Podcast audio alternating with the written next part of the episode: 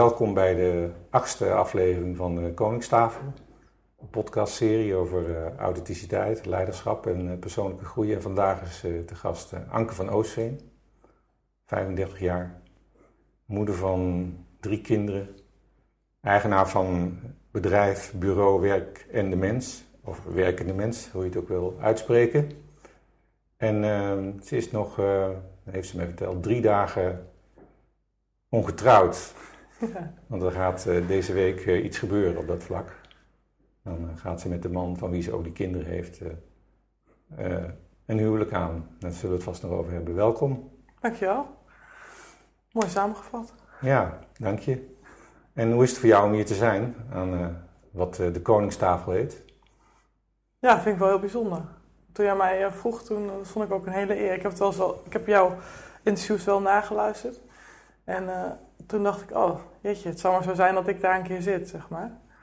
Dus, uh, nou ja, nu, zit, nu zit ik hier dus. Ja. Dat vind ik, wel, uh, vind ik wel een eer. Dus als mensen maar genoeg luisteren, komen ze vanzelf ook aan tafel te zitten. Ja, nou, misschien is dat wel, wel zo'n straat, ja. ja. Um, wat ik niet over je verteld heb nog in mijn inleiding is dat je jezelf loopbaanschrijfster en loopbaanbegeleider noemt. Dat zijn in mijn beleving eh, twee verschillende dingen. En ik ben wel heel benieuwd naar eh, ja, wat dat is, eh, waar je vandaan komt. je hebt ongetwijfeld in die 35 jaar meer gedaan dan alleen maar je eigen bedrijf opgericht. dus ja, waar, wie ben je?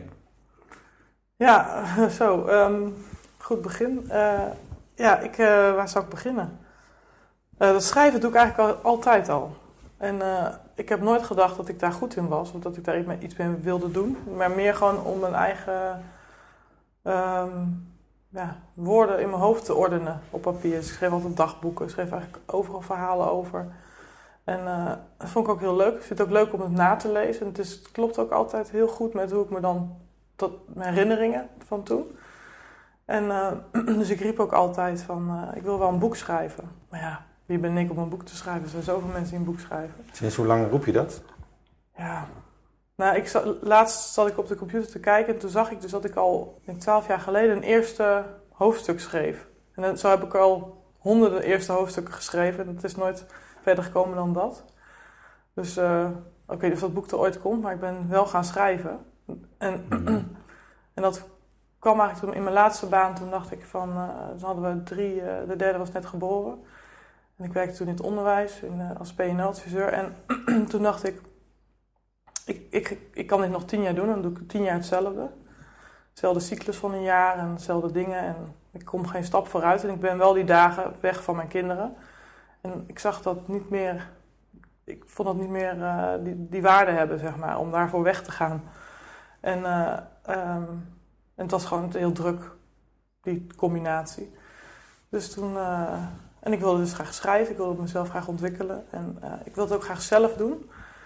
En toen ben ik uh, een opleiding tot loopbaancoach gaan volgen en voor mezelf begonnen. En met dat ik voor mezelf begon, begonnen ben, heb ik ook uh, een blog begonnen. En eerst gewoon over HRM, de actualiteit, wetgeving. Dat was echt heel saai. Vond ik ook saai om te schrijven. En, en ik las ook op internet, op Twitter en zo, heel veel mensen die dat doen. Ja, wat voegt, voegt het toe, dacht ik toen ook. Toen ben ik een schrijfcursus gaan doen. En daar ben ik eigenlijk maar drie keer naartoe geweest. En het was niet uh, een hele fijne schrijfcursus. Maar toen uh, las iemand uh, een stukje van mij. En die zei, dat heette Verdriet op straat. En die, die zei, ja, dit moet je gewoon op je, op je blog zetten, op je website zetten. Maar dat was een heel persoonlijk stukje. Dus ik dacht, ja, dat vind ik wel eigenlijk wel heel spa spannend. Want, en bovendien heeft het helemaal niks met dacht ik toen, werkende mensen te maken met mijn bedrijf. Omdat het gaat over mij, over het leven, over wat ik meemaak, over mijn kinderen. Nou ja, het heeft niks met werk te maken, dacht ik toen. En, uh, maar toen ben ik dat soort stukjes gaan schrijven die heel dicht bij me staan. Gewoon inderdaad over. Uh, en het komt gewoon in me op waar, het over moet gaan. Ik dacht, ik had eerst voor mezelf met mezelf afgesproken, elke week moet ik een stukje schrijven. En nu is het uh, ja, dat ik mezelf bijna moet inhouden om niet elke dag iets erop te zetten, zeg maar. Oh. Het moet er gewoon uit. Ik moet het, het, het werkt ook heel goed, uh, merk ik nu ook. En dat is wat ik vroeger ook al deed. Is het opschrijven, uh, ordent gewoon mijn gedachten. En dan uh, snap ik het veel beter en dan gaat het. Ja, dus dus dat, dat is voor mij het, het, al het doel op zich. is prima als het daarbij blijft. Maar nu blijkt het ook nog zo te zijn dat mensen het heel graag lezen. Ja, want uh, je, je, dagboek wordt op deze manier ineens openbaar. Ja, nou ja, dat is. Daar ben ik inmiddels. Dat is nu, denk ik, drie kwart jaar, een jaar bijna. Daar ben ik wel een beetje aan gewend. Maar wat wel gek is, dat ik niet weet wie het leest. Oh nee? Nee, omdat het, uh, ik zet het op LinkedIn, op Twitter en op uh, Facebook. En op Facebook weet ik wel, krijg ik reacties uh, van mensen. En LinkedIn ook wel. En Twitter soms ook. Maar met name zijn er natuurlijk ook heel veel mensen die niet reageren. Blijkbaar, dat weet ik dan niet. Maar dat, dan kom ik op schoolplein of, of bij mijn ouders thuis of zo. Dan zijn er dus mensen die dan reacties geven. Ja. Of, of, ik, of ze zeggen, hoe gaat het met je? En dan zeg ik, ja goed, want... of gaat het met je bedrijf? En dan wil ik wat vertellen. En dan zeggen ze, ja dat weet ik al denk ik, oh ja, ja, dat kan, want dan heb je vast iets van mij gelezen. Ja, dan had iets van mij gelezen. En dat is wel een aparte... Ja, dat je je kruid al verschoten hebt, als het ware. Ja, ja. dat ik hoef het niet meer te vertellen. Het, is ook wel prima, want ik ben niet iemand die dat nou... Uh, dat is het gekke. Ik ben niet iemand die dat allemaal vertelt. Terwijl ik het ook niet erg vind dat iemand het weet of zo. Alleen ik ben dan daar misschien wat bescheiden in, om het dan allemaal maar... Ik heb het liever over die ander dan over mezelf. Dus op zich is het ook wel makkelijk dat het al, nou, dat is al besproken, kunnen we nu naar jou. Uh, hoe komt dat? Dat je het liever over de ander hebt? Ja, dat, is, dat, dat kom ik dit jaar heel erg achter, dat dat podium. Er was iemand die dat tegen mij zei ergens in mei in een, uh, in een workshop, in een training. En die zei van, uh, ja, ja, mensen mogen jouw verhaal, je moet mensen jouw verhaal gaan vertellen. Ja, dat mogen mensen, dat is, dat is waardevol, dat mogen mensen horen. Dus zonde als ze het niet horen. En dat was de eerste stap in uh, de richting van, oh, oh, dus wat ik te vertellen heb, dat is ook echt iets wat anderen wel, misschien wel willen horen. En hoe het komt dat ik daar een soort van bescheidenheid in heb gekregen, vind ik lastig. Maar dit jaar is wel het jaar van het podium. Ik zoek het ook dan heel erg op. Ik vind ook het trouwen aan zich is natuurlijk, dat doe ik niet op het podium, maar dat is wel wat daarbij komt. En waar ik ook van voel, oh, dat vind ik eng. Dat mensen voor mij, voor mij en Matthijs komen. En... Dus het uh, podium is uh, en nodig en eng. Ja, ja, ik heb nu het gevoel dat ik het, dat ik het moet doen. En eerst dacht ik altijd dat podium is eng omdat ik um, niet voor groepen durf te spreken. En vandaar ook dat ik dacht, ik ga, uh, uh, dat, dat, daar ga ik me uh, in bekwamen door trainingen. En dat was ook het doel eigenlijk een beetje toen ik bij jou aanschoof, bij Authentiek Spreken. Maar dat is toch een beetje verschoven naar um, dat, ik, dat ik niet, dat het gaat niet om durven, daar durf te gaan staan, maar dat, dat ik het recht heb om daar te gaan staan. Van ja, ik, ik, mag daar ook staan. En, ik, en, en mensen willen dat best horen, wat ik te vertellen heb. En, en dat is heel ja, apart eigenlijk. Dat ik toch altijd eigenlijk dacht van ja, waarom zouden ze naar mij eh, luisteren? Niet dat ik denk dat ik niks voorstel, dat is echt absoluut niet zo. Maar dat is toch een soort van iets wat mij tegen heeft gehouden om, daar, om dat dus op te schrijven en dat ook aan andere mensen te laten lezen. Of, dat is eigenlijk ook een podium. Uh, of ja, dat trouwen ook. Dat denk ik, ja, dan, we hebben dan doen vrijdag een diner en zaterdag een feest. Ja, want vertel eens dat je gaat. Uh, het is nu, ja, mensen gaan dit later horen natuurlijk, maar het is nu dinsdag. Ja.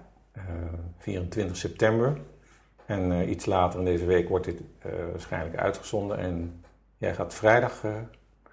Ja. Ga je je eerste ceremonie doen. En zaterdag nog een keer. Ja, ja ik doe, we doen het in twee. Want mijn moeder vroeger ook altijd zei: dan was ik jarig geweest en dan was het over en dan moest ik heel hard huilen dat het over was en dan vielen ze het nog een keer. Dus ik dacht, ik doe het maar gelijk twee keer. Want dan, om te voorkomen dat je hard moet huilen. Om te voorkomen dat ik het heel jammer vind dat het voorbij is. Mm.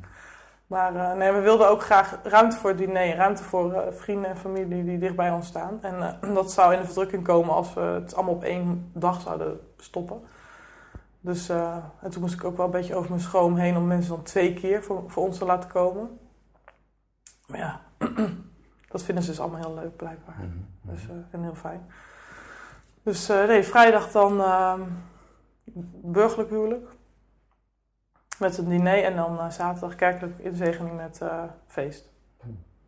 Oké, en hoe lang ken je Matthijs, je man? Die ken ik al vanaf mijn achttiende, dat is dus uh, 17 jaar. Oké, en nu ineens trouwen? Ja, ja ineens zo, zo is het inderdaad niet gegaan.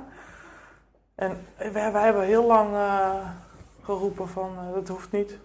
En, uh, en ook van we hebben het geld kunnen voor andere dingen gebruiken. en dat deden we ook. We gingen reizen. En uh, nou, voordat we het wisten, uh, kregen we drie kinderen. En dat kost ook geld. En dat dachten we ook, ja, nu hebben we kinderen. Hoe, hoe veel groter wordt een verbindenis als je eenmaal kinderen hebt. Dus dat leek ook niet zo nodig om te trouwen. en, en toen gebeurden er wat dingen waardoor wij dachten van. waardoor we er veel meer over gingen praten. Nou, wat voor dingen? Nou, bijvoorbeeld, mijn broer ging trouwen en toen uh, uh, was dat een dag vol liefde. En vol verbindenis met uh, de twee families, met de, tussen broers en zussen, tussen vrienden. En nou, ik vond dat een heel mooi, mooi moment eigenlijk. Toen realiseerde ik me ook dat het trouwen niet meer is zoals vroeger, echt om die verbindenis te bezegelen, maar meer om te vieren wat je, tenminste zo, zo ervaarde ik het toen, om de verbindenis om, om te vieren wat je hebt. Om de liefde te vieren.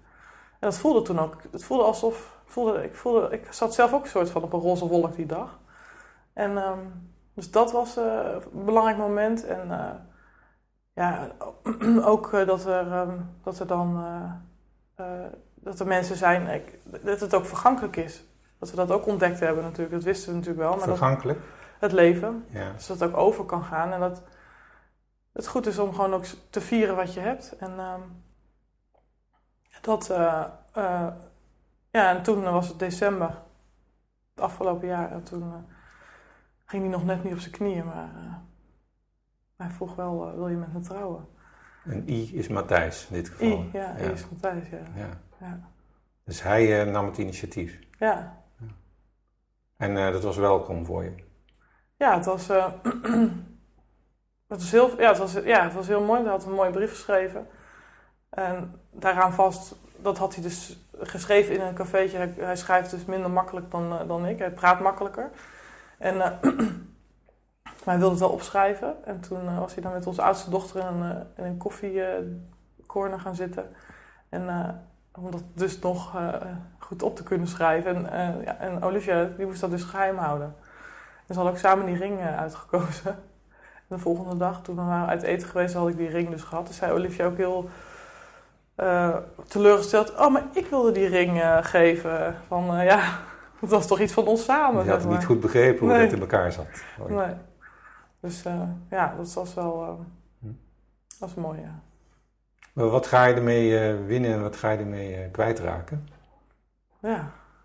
ja, dat winnen, dat kan ik nog op antwoorden. Het kwijtraken heb ik eigenlijk nog niet aan gedacht. Ja, winnen. Ik, vind, ik denk dat het, uh, dat merk ik nu al in de, uh, in de aanloop ernaartoe. Ik zat, ik, zat, ik zat net ook te denken, het is ook gewoon uh, negen maanden.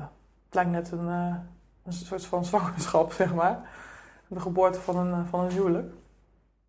Maar die negen maanden zijn ook echt heel leuk geweest. In, hè, dat mijn broer, ik heb geen zussen, dat mijn broer meeging die trouwjurk passen. Gewoon, ja, echt, vond ik mooi. En dat uh, nadenken over wie je als getuige kiest en dat ook vragen en dat mensen ontroerd zijn. En uh, dat, dat, dicht, dat je dichter bij elkaar komt staan. Dat, je, dat ik met mijn moeder de jurk heb uitgezocht en uh, dat ik dat mijn broertje, dus een ander broertje getuige is en dat hij ja, dat heel speciaal vindt. En Matthijs en ik gesprekken voeren over hoe zitten wij nou, hoe staan we in die relatie? Wat vinden we van elkaar? Waarom is het zo goed als het is? En vinden we het wel zo goed? En wat, vinden, wat is die liefde dan waard? En mhm. waarom trouwen we? Nou, dat zijn allemaal um, momenten die vergeet ik nooit meer. En los van de dag die nog komen gaat, zijn dat ook al dingen. Vrijgezellenfeest heb ik bijvoorbeeld gehad. Ja, ik ben echt al. Ik kan me niet eens meer heugen dat ik uh, vrijgezel was. En toen was ik ook ja, heel jong. Dus dat is. Uh, dus dat, dat, dat, zeg maar, waarom we dat vieren, dat was natuurlijk ja, dat was gek. Maar het was heel bijzonder dat mijn vriendinnen en schoonzussen dat hadden georganiseerd. En dat- ik verrast werd. En dat ik ook toen merkte dat ik het heel lastig vond om eh, te ontvangen zonder iets terug te geven. Dus ik had, ze hadden voor mij allemaal iets persoonlijks geschreven. En ik had dat dus ook gedaan thuis. Waarop een vriendin ook zei, ja, jij bent echt de enige, die, eh, enige vrouw die gaat trouwen... die ook op zijn vrijgezellenfeest iets, iets, een cadeautje meeneemt voor de anderen. Dat ik, ja, Omdat je graag wil geven. ja, en dat denk ik ook komt ook een beetje door dat, eh, dat podium waar we net over hadden. Dat van wie ben ik om hier eh, jullie eh, dat, naar mijn verhaal te laten luisteren en dan gelijk iets terug willen geven, zeg maar. En, en dat was op die dag ook. Van ja, oh, jullie hebben echt dit georganiseerd, jullie zijn hier allemaal. Terwijl de helft was zwanger en moe en misselijk. En de andere helft moest allemaal oppas voor de kinderen regelen. En eh, nou ja, zo Want zo'n vriendinnenkring heb je. ja, iedereen heeft, een, heeft banen, opleidingen, kinderen, zwanger, eh, noem maar op. Dus ik dacht, oh jeetje, en ik zag dat ook allemaal zo zitten. Ik dacht, jeetje, je zit, je zit allemaal hier. Ik voelde me natuurlijk echt wel de koning te rijk. Maar ook wel echt zo voor, van, jeetje. Dus toen ik eenmaal dat cadeautje had gegeven, was het ook meer in een evenwicht. En dat vond ik ook weer, weer ja, wel weer typisch om te merken dat ik daar dus blijkbaar eh, zo'n last van... Mhm. zo'n zenuwen van kan hebben. En, eh, en nou ja, dat ik me ook wel, wel realiseer dat zij ook alleen maar fijn vinden om te geven. Dat krijg ik ook heel vaak terug. Van, eh, joh Anke, ontvang nou eens. Want het geven is ook... een- ook de, de gever die vindt het ook fijn om gewoon te geven. Dat, ja, dus dat, dat, ja, dat moet ik dus... Ja, dat probeer ik dan heel erg. Maar dat te ontvangen. Ja, Kost je het moeite? ja. Want? Ja, omdat ik dan inderdaad gelijk het gevoel heb dat ik... eh, ja, daar zit iets in van dat podium. Van, ben ik het wel waard? En, eh, Dat is iets hardnekkigs, hè? Heel hard, ja, heel Ja. hardnekkig. Ben Ik heb, ben ja, ik het wel waard? ja, wat is het, ja. ja. Enig idee eh, waar dat vandaan komt? Nee, ja. Nee, die bescheidenheid die heb ik volgens mij altijd al wel gehad. Ik heb op geen ene Jij noemt het bescheidenheid. Ja. Ja. Ja, verkeerde bescheidenheid. Het is- Nee, ik eh, heb er geen oordeel over. Nee. Het valt me op dat je bescheidenheid noemt. Ja. Ik, ik zou het niet weten. Ik heb, eh, waarom, waarom dat is. Ik heb me die rol aangemeten op een moment. Ik, wat ik wel weet, is, dat ben ik ook laatst achtergekomen. Omdat die eh, ging een cursus retoriek doen. En we moesten ons voorstellen aan de hand van ons favoriete speelgoed. Dus ik dacht, oké, nou ja, wat zou dat bij mij zijn geweest? En dan kwam ik zelf niet achter, dus ik vroeg mijn moeder. Toen zei ze, nou, dat had je niet. Je had eh, geen favoriet speelgoed. Je speelde overal mee. Je speelde vooral samen. Als het maar samen was, speelde je met alles. Met Lego, met nou ja, hutten bouwen, wat dan ook. Met, met je broers of met mij of met je vriendinnen. en toen dacht ik, daar zit wel iets in van dat podium. Van, want op enig moment heb ik gedacht, ik, eh, ja, dat samen doen, dat was dus een basis, bij mij, is een basis bij mij. Maar ik heb dat verlaten. Ik ben dat gaan zien als alleen. Ik moet, ik moet, daarin is dat zelf doen, is voor mij ook heel belangrijk. Zegt mijn moeder ook altijd van, eh, dat riep je altijd als kind al, als ik je jas aan wilde doen, zelf doen. Dat voel ik ook nog steeds heel sterk, maar dat, is, dat zelf doen is een beetje alleen doen geworden. Om ja, een soort te bewijzen of zo van... eh, dus ik schud die ander ook van me af om, ehm, eh, om te laten zien dat ik het wel kan. Daar zit, een, daar zit iets in. Je schudt ze van je af om te laten zien dat je het wel kan. Dat ik het wel, ja, Alleen kan. ja. Terwijl het alleen kunnen, dat is helemaal niet... eh, je kunt het nog steeds zelf doen als je het samen doet. Maar als je het alleen doet, dan kun je het niet meer samen doen, zeg maar. Dus eh, Dus, dan is- dus dan is het vrij moeilijk om te ontvangen. ja, daar zit Als je een, zegt dat je alles wel alleen kan. Ja, ja, het gaat natuurlijk niet. Nee. Ik, nee, ik... Ja, precies. En bevalt het nog steeds? Nee. Nee? Nee, ik, heb, ik realiseer me, realiseerde me dat ook... Ik heb dat, dat is al iets wat al langer geleden is ingezet, dat ik dat niet meer wilde. Maar dat zag ik nooit zo. Ik heb daar ook wel eens met de kinderen, toen die geboren werden, met mijn moeder eh, eh, over ge- gepraat. Van, eh, dat zij mij hulp aanbood. Van ja, dan kom ik even helpen, kom ik even dit, kom ik even dat. En, maar dan hoorde ik alleen maar, want jij kan het niet alleen. Ja. Terwijl zij zegt alleen maar, ik wil je wel helpen. Dus ehm, daar, toen merkte ik al dat ik daar iets van los wilde komen. Maar ik verbond het aan mijn de relatie met mijn moeder. Maar dat is eh, niet eh, waar het om ging. Nee? Dat, nou, in ieder geval, daar, daar kwam het in tot uiting. Maar het, is, het zit gewoon in mezelf. Het is iets wat ik met anderen ook doe. Dus later ben ik dan die eh, opleiding loopbaan coaching gaan volgen. En daar werd ik zelf ook in gecoacht. En toen uh, was een van mijn leerpunten ook van uh, wat ik wilde leren, was van uh, ik wil die, die ook leren ontvangen. En, um, en dat noemde ik eigenlijk toen ik wilde controle loslaten. Daar begon het mee, die controle loslaten. Maar dat bleek eigenlijk dat ontvangen te zijn. ik had ook een vriendin als spiegel. Dat kwam zo eenmaal op, die je heel erg goed kan ontvangen. En dat ook wel eens tegen mij roept van, joh, ik, ik, die, die, als ze belt, begint ze altijd heel veel over zichzelf. En dan aan het einde zegt ze, oh ja, hoe is het trouwens met jou? En, en, uh, en uh, net tegen haar heb ik wel eens gezegd, ja, maar ja, weet je, ik kom er ook gewoon niet tussen. Of zo. En, en toen realiseerde me toen pas dat het, dat het helemaal niet is wat zij mij moet bieden, maar dat ik mezelf moet, uh, moet, moet, bieden. moet inbreken. In, in, ja, ik moet gewoon zelf zeggen van, ik kan gewoon zelf bellen, nou, nu, wat me nu is overkomen of nou ja, wat dan ook. Zonder dat ik wacht tot zij mij die opening laat aan het eind van het gesprek. Dus, dus dat podium, dat moet je kiezen zelf. Ja. Je wordt niet de hele tijd gevraagd om te komen, begrijp ik. Nee, en dat... Maar wel, het is wel een sterke behoefte, of niet? Ik heb wel de behoefte om gezien te worden, ja. daar zit de verneinigen, hè, natuurlijk. Hè, ja. van, dat je aan anderen gaat geven, opdat je gezien ja. wordt. Nou, dat is ook een, mooi dat je het zegt, want dat is ook iets wat ik het afgelopen jaar uh, heb gezien bij mezelf. Van, dat zit in mij om, om, te geven. Dat is op zich aan zich een fijne eigenschap. Alleen het, het is niet fijn als ik het ga doen omdat ik inderdaad gezien uh, wil worden. Of dat ik er iets voor. Hè, ja, natuurlijk wil je, je kunt nooit, uh, het staat nooit op zichzelf. Je, wil altijd in, je staat altijd in een relatie tot een ander. Dus dat je er iets voor terug wil, vind ik niet zo gek. Maar ik zocht daar een soort van bevestiging in. In dat geven. Dat ik dan daarmee de ander, de ander kon zeggen tegen mij, ja, vind je wel leuk of zo. Dat vind ik heel naar om te zeggen, want ja, je mensen die dan uh, dat horen, die denken, ja, jeetje, heeft ze dan wel oprecht gegeven. Ja, dat is het niet. Het is niet dat ik niet oprecht geef.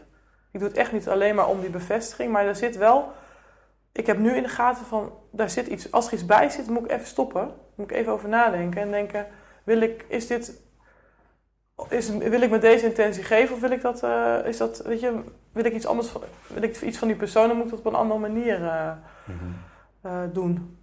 Dus dat, en dat maakt het veel meer puur, veel zuiverder eigenlijk. En, en dan kan ik ook veel beter naar die persoon toe gaan en zeggen, nou ja, ik ben graag bij je en heb jij dat ook, bijvoorbeeld. Ja, ja.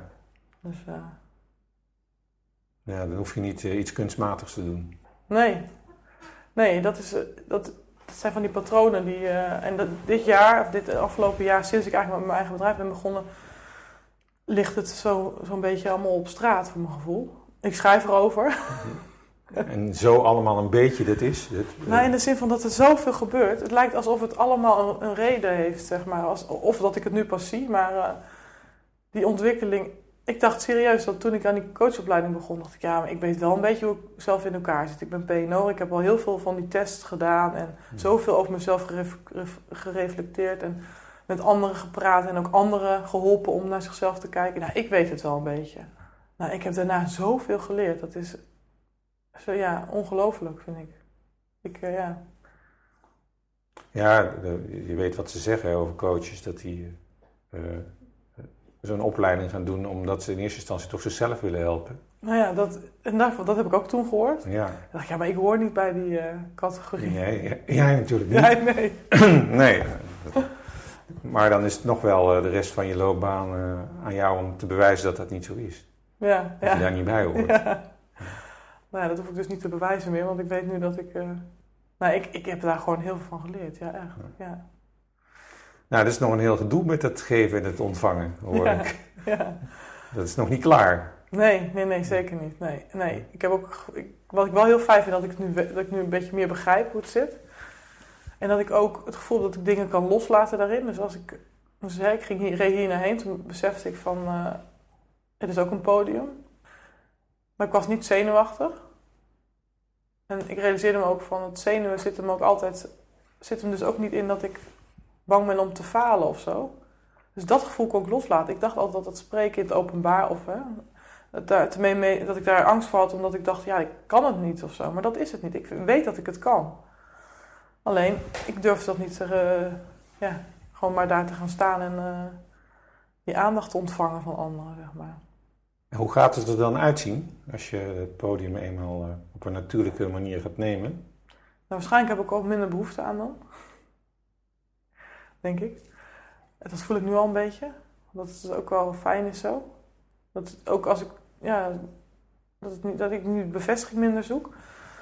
En dat ik het ook, dat ik veel meer kan denken, wat wil ik nou zelf doen? In plaats van, uh, ik denk, ik moet daarop gaan staan. Ik moet dat laten zien. Ik moet, ik moet, ik moet. Nu dan kan ik gewoon denken, ja. Ik ga, ja, als ik dat wil, dan ga ik het doen. Als ik het niet wil, dan doe ik het niet. Dus, um, ja. Um, ik ben wel geïntrigeerd door uh, loopbaan, hè? dus uh, op, opleiding, loopbaancoach. Wat, wat heb jij met loopbaan? Ja. ja, ik heb meer wat met mensen, denk ik. Mensen en werk. Ik, vind, uh, ik heb echt het gevoel dat als je in het, als je je werk, als je fijn in je werk zit, dus nee, van die mooie woorden, bezieling en dat je, dat je weet wat je drijft, dat je dan gewoon ook buiten je werk of gewoon in je leven een, een fijner in je vel zit. Lekker uh, door het leven kan gaan. En ook de verbinding met jezelf voelt en die verbinding met de anderen aan kan gaan. En dat ervaar ik zelf zo. En ik heb het nu ook mogen zien in de in die ik heb begeleid. Dat, die, dat dat gewoon zo'n grote rol speelt in je leven, werk. En dat, het, uh, dat je er heel veel van jezelf in kwijt kan of in kwijt kan raken. En dan uh, ja, vind ik het heel fijn om mensen te begeleiden om, ze, om dat kwijt te kunnen in hun werk. En, uh... Dan zeg je nogal wat, hè? dus je kan er heel veel in kwijt van jezelf. En dat laatste, dat blijft me eigenlijk wel langer bij. Ook veel in kwijt raken. Ja. Ja, ik denk, ik, ik heb bijvoorbeeld zelf heel erg ervaren dat ik in loondienst, dat zag ik toen helemaal niet, maar uh, dat nu ik zeg maar voor mezelf ben begonnen, veel, meer, veel minder grenzen voel. En um, dat was ik dus iets van mezelf kwijt. Ik, of ik wist niet eens dat ik het had. Ik wist niet eens dat ik creatief was. En nu bedenk ik dingen. Ik, denk, nou, ik, zou nu, ik, had mij drie jaar geleden gezegd dat ik dat was gaan doen, had ik dat nooit geloofd. Dus in die zin uh, was ik of nog niet, had ik dat niet van mezelf ontdekt, of ik was het kwijt, nou hoe dan ook. Vind, denk ik dat je in je werk moet proberen om, om, om dat van jezelf uh, volledig te benutten. Van, Wat je zelf in je hebt. En dat uh, heb ik bij mezelf het gevoel dat ik dat niet heb gedaan. Toen je een baan had? Ja. De grenzen, ik, ik heb het laatst zei ik dat tegen iemand, de grenzen van het bedrijf waren, werden gewoon mijn grenzen. Dus als ze zeiden dat het kan niet, of dat doen we niet, of ergens, ergens heb ik die, mij die beperking ook opgelegd. Ja. Ik denk misschien als ik nu in loondienst zou gaan, dat dat helemaal niet meer, uh, dat ik nu dat zou weten en dat anders zou benaderen. Geloof je het zelf? dat zou kunnen, ik weet het niet, maar ik ben, ben er nog die niet... Die mensen help je nu, hè? Ja. Ja. En ik denk, ja, ik denk namelijk dat niet de beperking zit in het bedrijf of in de stenen of de muur of de mensen, of, maar in jezelf.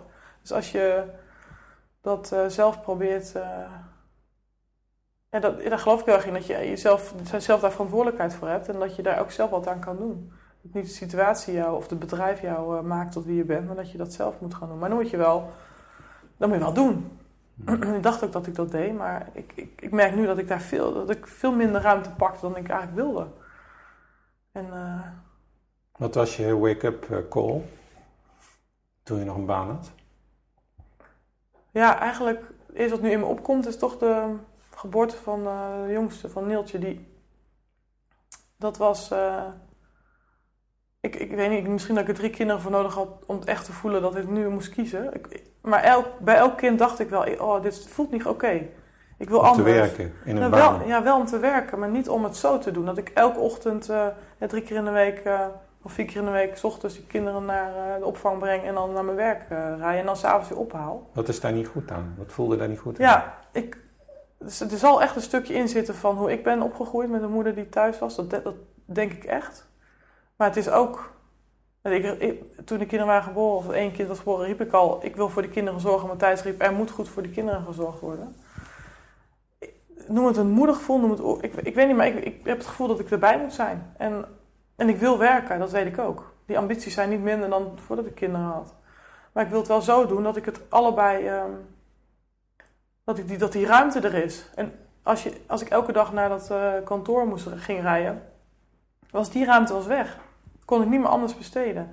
En wat ik nu heel erg voel is dat ik, het, uh, dat ik veel werk, veel meer dan ik deed. Maar dat ik, um, het om die kinderen heen plooi.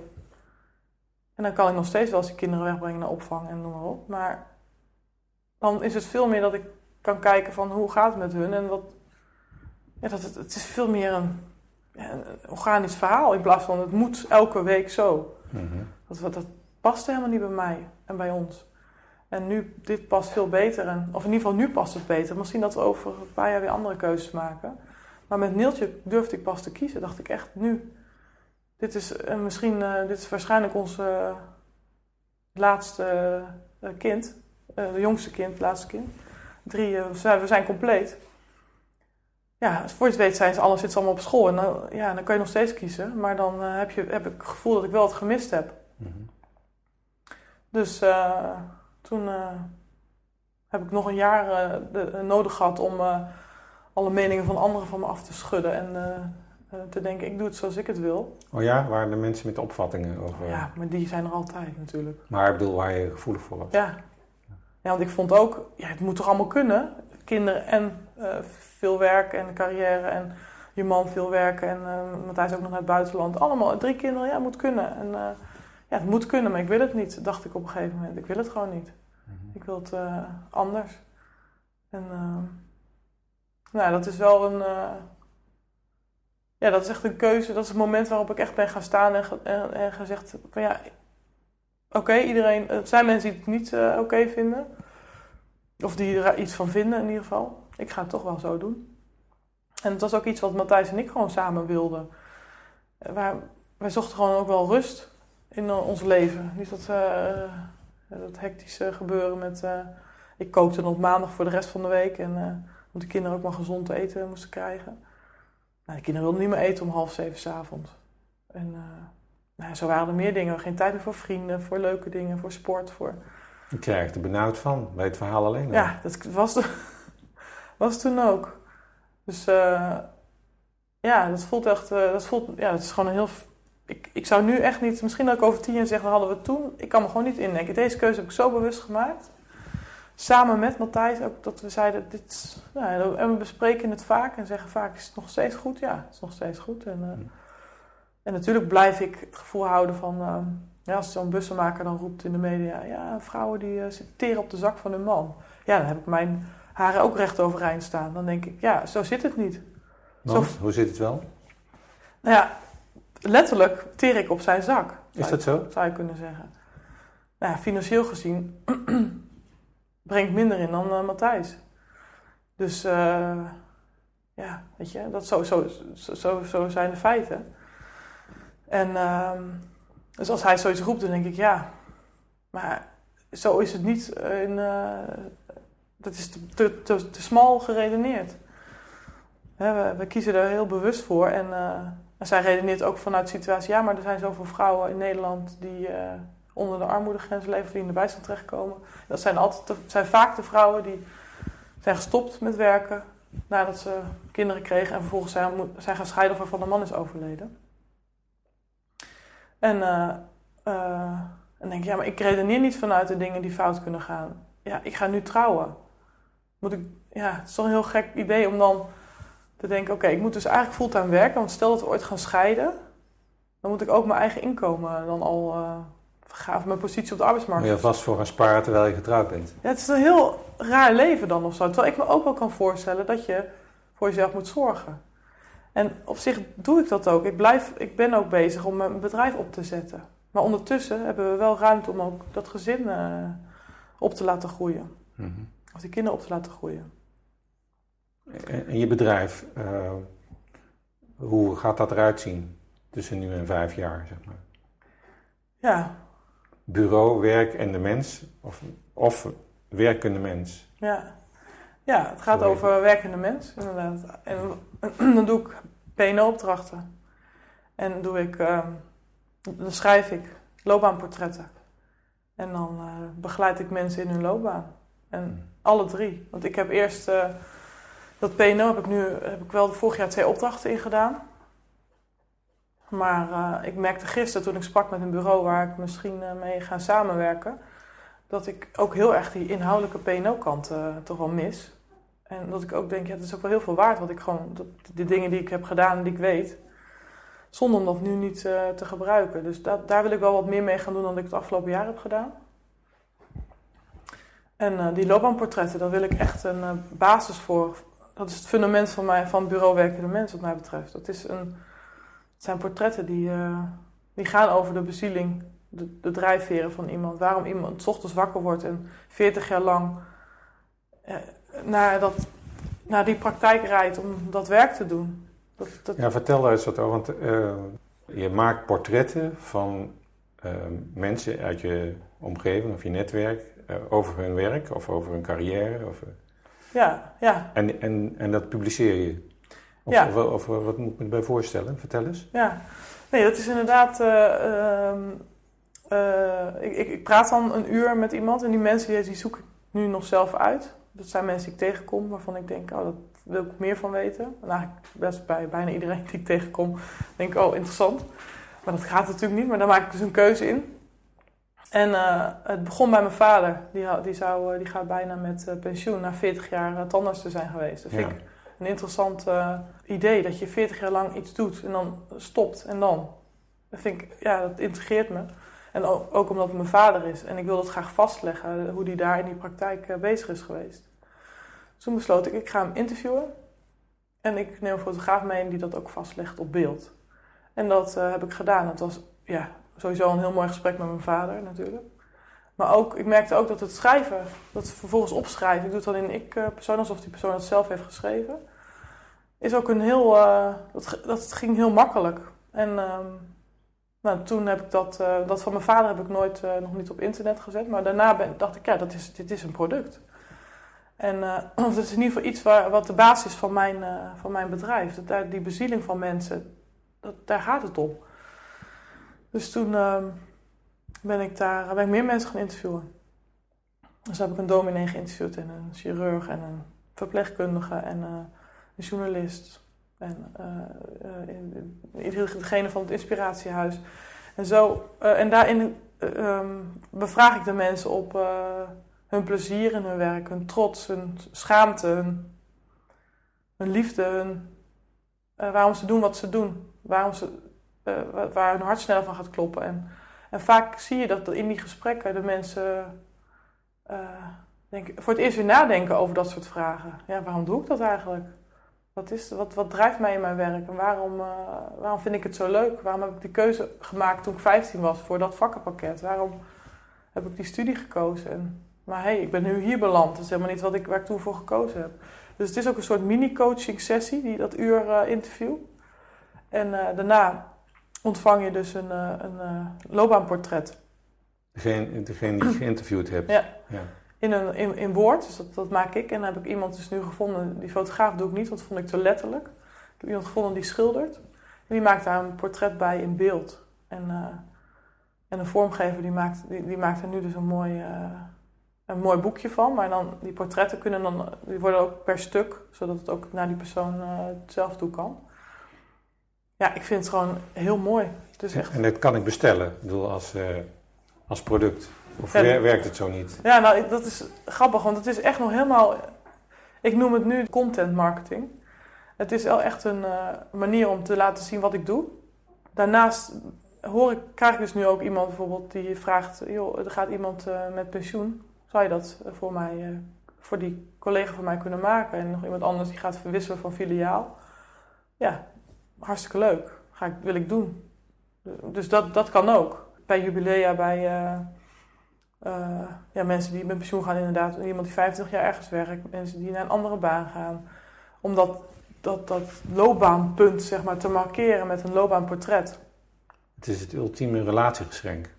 Ja, ik denk dat het heel mooi is. Ja, ik ben, ik, ik denk, het is een heel persoonlijk cadeau. En het is ook een, voor die persoon zelf een moment om uh, van terugkijken en vooruitzien. Van nou, wat heb ik eigenlijk, waar sta ik eigenlijk? En dus als je een nieuwe baan begint, kan ik me indenken dat je daarmee gewoon ook een soort van streep zet onder wat je deed. En kijkt naar uh, wat je gaat doen. En uh, weer een beetje bij je gevoel komt van waarom, waarom werk ik eigenlijk? Wat is nou de reden waarom ik s ochtends uit mijn bed kom en met veel plezier naar mijn werk fiets of rij? ik had die dominee uit Oosterbeek, uh, die nu naar uh, Os is vertrokken, geïnterviewd. En die zei ook van, in zijn afscheidspreek... dat hij met iemand had gesproken die hem had gevraagd of zijn geloof ook was veranderd gedurende zijn werkzame leven. En dat vond ik, vind ik mooi. Dat iemand dus in, vanuit dat interview wat ik met hem heb gehouden, dat meeneemt in, de, in de, de stappen die hij vervolgens zet in zijn loopbaan. Ja, dat, dat denk ik, ja, dat, dat verschil, dat vind ik ja, heel mooi. Dat je het uh, bijgedragen aan uh, iemand zijn uh, beslissing of stap? Of... Ja, ja, of zijn ontwikkeling, of zijn, ja. hoe die ook, dat hij bewuster met zijn loopbaan omgaat en meer zijn plek kan krijgen. Wat, ik, wat we eerder zeiden van hè, dat je jezelf kunt kwijtraken. Dat gebeurt natuurlijk minder snel als je bewust bent van waarom je doet wat je doet. Ja, dat gun ik iedereen wel. Die, die persoon die krijgt dus een portret. Uh, al dan niet uh, uh, door anderen gegeven, zeg maar, of door, door hemzelf. Ja. en, en komen die nog ergens in terecht? In een, in een verzamelwerk of in ja. een nationaal archief van loopbanen? Of hoe moet je dat voorstellen? Ja, ik vraag dan nu, de, de, mensen die ik nu interview, die vraag ik ook toestemming om het online te zetten. Dus ik zet het, en dan, als dat mag, dan doe ik dat. Tot nu toe heeft iedereen dat, vond iedereen dat goed. En dan is het ook een inspiratie voor andere mensen. En, uh, dus dat vind, ik ook een heel mooie uh, bijeffect ervan. En, um, uh, en ik maak, ben nu bezig om een boekje te maken met alle portretten die ik dan tot, tot nu toe heb gemaakt. Als ja, een soort portfolio van, ja, dit, is, dit is wat ik kan, dit is wat ik doe. En dit is wat ik ook wel in jouw organisatie zou kunnen doen, of bij jou, of bij, nou ja, bij jouw team. En, en dat ehm, ga ik 17 januari op een podium brengen. Je hebt een, een, moment gekozen om dat te doen. Ja. Dan zijn we er op tijd bij. Ja. Door dat nu al aan te kondigen. Ja. Ja. Dus uh, ja, dus dat... Um, daar is dat podium weer. Dat, dat, en, want ik denk ook dat, dat, dat ik dat podium dan veel meer kan gaan gebruiken, bewust, om uh, dingen gewoon te laten zien van mezelf. Wat maakt jou nou uniek in, uh, in dit loopbaanland? Dat zijn natuurlijk many ladies, vooral uh, vrouwenmerken ook, die uh, zich als loopbaanbegeleider profileren. Ja. Met wat je tot nu toe verteld hebt, want waarschijnlijk zit daar het geheim al in. Uh, want waarin je je enorm onderscheidt of nog kan gaan onderscheiden. Ja, dat, dat zou dan toch dat schrijven en die portretten zijn. En het podium, want... Ja, dat, ja, goeie. Ja, dan cijfer ik mezelf weer weg. nee, ik weet het niet, maar ik denk maar even mee met mijn eigen vraag, zeg maar. Ja. ja, ik denk dat je daar een goed punt hebt. Dat is inderdaad wel een. Dan, als ik dat weet, dat, dat, moet ik, dat wil ik integreren in het hele, uh, um, mijn hele verhaal eigenlijk. En ik vind het nog heel eng. 17 uh, januari, dat vind ik ook echt heel spannend. Want het is echt, echt, echt alleen maar voor wat ik heb gemaakt, dat, dat ik dat wil. En ik regel het en ik organiseer het. En ik heb nu wel geleerd dus uh, twee weken geleden dat ik dat samen mag doen. Dus ik heb nu ook mensen gevraagd om het samen te doen. En ik denk die plek moet ik wel gebruiken. Dus die, uh... Ja, ik weet niet hoe het voor jou is, maar ik ben op uh, flink wat PNO en HRM-congressen geweest. En niet om daar nou heel streng over te oordelen, maar ik vind het zo over het algemeen in mijn belevingswereld erg saai. Ja. Het gaat over, ja, over regelgeving Ja. en, en ziekteverzuim en dat soort. en, ja, ik, ik zou iets als dit daar uh, graag zien. Ja. Uh, dan zou ik daar uh, met plezier naartoe gaan. Ik bedoel, iemand die, als jij, die daar met een soort van passie vertelt over de andere kant van de loopbaan. Maar over ja, hoe je iemand podium kan geven op zo'n manier. Ja. Wat dat voor bijdrage kan leveren, überhaupt aan de stappen die iemand gaat zetten. Dus ja, dat dus- dat ook verteld wordt, dat dat de mogelijkheid is. Ja. Ja, jij, jij, jij schetst dat nu zo en dan denk ik, ja, ja, dat wil ik, dat wil ik. Maar ik denk ook, oh, spannend. Maar ik, ik, ik zie wel die, echt die meerwaarde. Ik vind, als ik kijk naar die loopbaanportretten, zie ik echt dat dat het is. Dat is daar ben ik van overtuigd. Alleen de stap die ik nog moet zetten en die ik ook aan het zetten ben, is dat ik dan ook denk, oké, ik moet daar dan ook gaan, ik, ga, ik wil daar ook gaan staan. Ik ga dat ook doen. Dus de, bij deze is dit vast een oproep uh, dat je beschikbaar bent, begrijp ik. Ja, nou ja, ja. laat ik dit podium dan ook maar Van gebruiken. allerlei congressen, organisaties uh, ja. op het gebied van PNO en HRM. Ja. Ja, kom op mensen. Ze zitten hier. Ja. 17 januari, oké, okay, dat onthouden we. Gaat het nou storm lopen, denk je? Ik heb geen idee. Dat, dat, dat hebben, daar hebben we geen invloed op. We moeten nu loslaten, denk ik. Oké. Ja. Ik ben nieuwsgierig naar, bij de meeste mensen die aan tafel komen, naar wat in hun leven nou alles bepalend is geweest voor het leven wat ze nu leiden. Welke gebeurtenis of gebeurtenissen?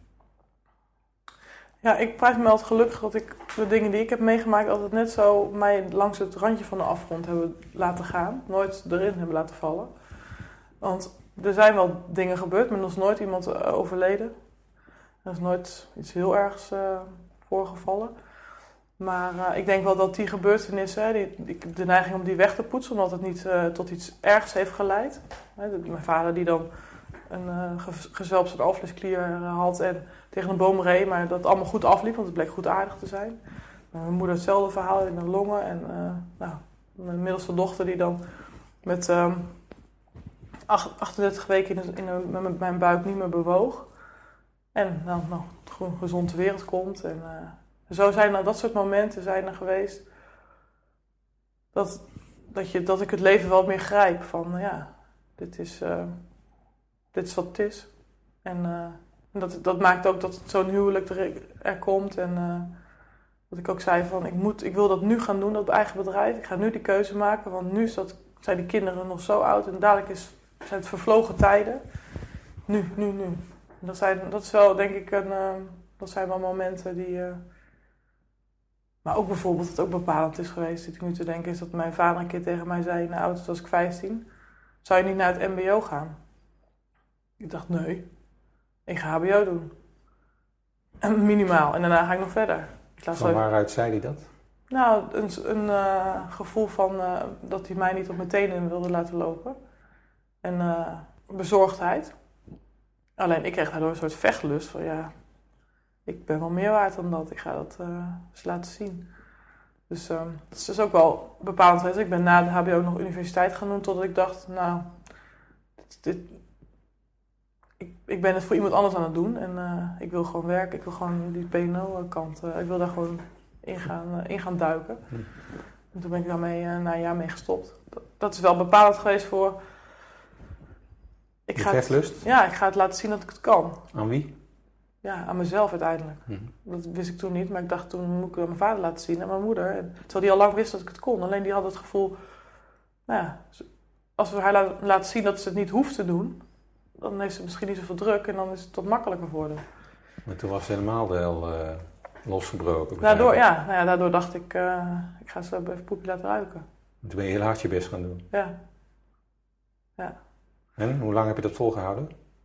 Nou, dat, zit, dat blijft wel, dat draag ik met me mee. En ik ben er ook best wel een beetje van gaan houden hoor. Van, dat, van die eigenschappen. Omdat het brengt me ook ver, verder. Alleen het, ik wil, moet er niet in overdrijven. Ik, ik, ik, moet het, ik moet ook realiseren dat ik het voor mezelf doe. En niet voor, nou ja, wie dan ook. Dus ik hoef niet uh, op zoek naar die waardering daarna. Nee. Ik moet dat bij mezelf zoeken. En dat is een beetje waarom ik ook van die eigenschap ben gaan houden. Van ja, prima, want het brengt me ver. Ik, ik, ik neem nooit genoegen met uh, half. En uh, ik zou nooit in een baan zitten dat ik, waar ik uh, doodongelukkig van word. Ik, ik, ik zorg altijd dat, dat ik verantwoordelijkheid neem. Dat, dat ik het heft in eigen handen neem. En dat, ja, dat voelt heel fijn. Is dat ook de boodschap die je wil uitzenden naar de wereld? Neem het heft in eigen handen, neem verantwoordelijkheid. Doe het nu ja, ja, ja, ik denk wel, ik vind het wel heel belangrijk dat je. Dat de, ik heb best, best wel allergisch voor mensen die in een slachtofferpositie gaan zitten. Ik denk dat, je, dat er meer mogelijk is als je het zelf ook. Uh, als, je dus, als je er zelf wat voor doet. Kijk, er zijn dingen die je overkomen. Dat is ook echt zo. Maar ik heb ook gemerkt dat je daarin een, een zelf een houding kan aannemen om het uh, vervolgens, wat je ermee doet. Om daar vervolgens mee op pad te gaan. En. Uh, ja, dan, is het, uh, dan kan je het misschien uh, minder erg maken of um, beter mee omgaan of echt doorleven wat je meemaakt. Of, ik denk dat, dat het dan uh, fijner leven is. Dat als je het zelf die verantwoordelijkheid neemt. Ja, want ik neem aan dat je in je werk wel mensen tegenkomt als opdracht, maar, die in die slachtofferrol zitten of al veel te lang hun best gedaan hebben. En, ja, tegen de rand eh, van hun mogelijkheden aangelopen zijn, uh, burn-out, ja. dat soort dingen. Ja. Want hoe ga je daar dan mee om? Om hen op te voeden en nemen van eigen verantwoordelijkheid? Ja, ik probeer dan ook wel echt spiegel te zijn. Van kijk eens wat, wat jij doet, wat dat ook met de mensen om je heen misschien wel teweeg brengt. Bij die mensen om je heen. En wat levert het je op? Die vraag stel ik dan ook van. Wat biedt het je nu? Dat je dit nu roept en denkt. En uh, ja, dat, dat, dat, daar zijn wel de grootste stappen te zetten. Uiteindelijk willen mensen dat ook. Die, die uh, patronen die ik bij mezelf ontdek, die hebben, heeft iedereen. En uh, vaak is dat, zijn dat blinde vlekken, zie je dat niet. En uh, het voelt heel vaak als een nou ja, hele oude jas die dan eindelijk uit kan. En waardoor gewoon de wereld wat lichter lijkt. Oh, het is helemaal niet nodig dat ik me zo opstel, dat ik altijd maar roep dat ik het niet kan, of dat ik het niet wil, of dat ik het niet durf. Waar doe ik dat voor? Het is veel makkelijker om, het gewoon te doen en om gewoon te gaan. En ja, dat zijn dan uh, een soort van overwinningen. Ik zie vaak in die gesprekken valt op een gegeven moment een, een, zie je iets gebeuren bij iemand. En dat zijn ook de momenten dat ik bijna zelf ook gewoon vol schiet met tranen. Van, oh, kijk nou wat daar voor uh, um, uh, zelf, zelfreflecties. Die, die persoon ontmoet zichzelf eigenlijk op dat moment. Dat is zo mooi. Als je gewoon zo dan weer de, naar buiten gaat en, en, de wereld gewoon op een andere manier kan uh, binnentreden en zeggen, nou, ik ga het nu zo, doen en ik kan dat ook, want ik, ik, zie nu dat ik dat deed, maar dat is niet meer nodig. Ik ga nu die, dat pad uh, bewandelen. Zodat die persoon weer goed kan functioneren. Ja, dat, dat het ja, wat makkelijker, ja, eigenlijk gewoon makkelijker gaat. Het is eigenlijk heel simpel, maar mm -hmm. ja, dat, het, uh, dat voelt ook heel goed om daarmee bezig te zijn. Ja. Ik verheug me op dat uh, boek. Heeft het al een titel? Nee, heb ik, helemaal, nee ik noem het loopbaanportretten, maar ik heb er helemaal niet over nagedacht. Nee, laatst viel me wel in, toen ik niet kon slapen, dat het viel mij de zin in over leer mij kennen, ben wat ik schrijf. En dan daarachter gedrukt ik. Dus ik, ik leer mij kennen. Ik ben wat ik schrijf, maar ook zonder die ik. Die persoon leert zichzelf kennen en hij is wat, wat daar staat. Daar zit iets. Van, uh, dat wat daar in dat portret op papier komt, dat is die rode draad in je leven. En dat is, dan leer jij jezelf kennen. Maar doordat ik die portretten mag maken van die mensen, kunnen anderen ook mij leren kennen. Ja, dat is het eigenlijk. Dat is het eigenlijk, ja. Ja, ja. ja. ja. wie wil dat niet, zou je zeggen? Ja, dat ja, ik gun het ook iedereen, laat ik het zo zeggen. Ja. het, is een, uh, ja, het is heel mooi om zo mooi eh, neergezet te worden. Met anderen je dat podium geven. Ja. Ja, ja, wat grappig. Ik gun anderen dat podium, ja. Ja, zo hard als het je de ander gunt, zo hard heb, heb je het zelf nodig. Ja. Allebei. Denk je ook niet? Dat lijkt dat is wel een mooie. Zo komt het wel mooi samen, ja. Het jaar van het podium. 2013? Ja, ja en dat sluit ik dan af in. Uh, januari 2014. Of tenminste, dan zet ik nog een stap. En welke stap is dat? Dat is dan uh, de loop loopbaanportretten die ik op dat podium hijs. Dat boek en de viering van mijn bedrijf. De viering van je bedrijf? Ja. Zeggen, ik ben er echt. Ik ben er. Ja. Na 35 jaar ben ik er eindelijk. Ja. Is dat het? Nee, het is meer... Uh, ja, nou, misschien is dat het ook. Maar het is een, een uh, manier om uh, de, ja, de, mensen te laten zien dat wat ik maak. En uh, dat ik daar trots op ben. En ik heb dat dus nodig om daar te gaan staan.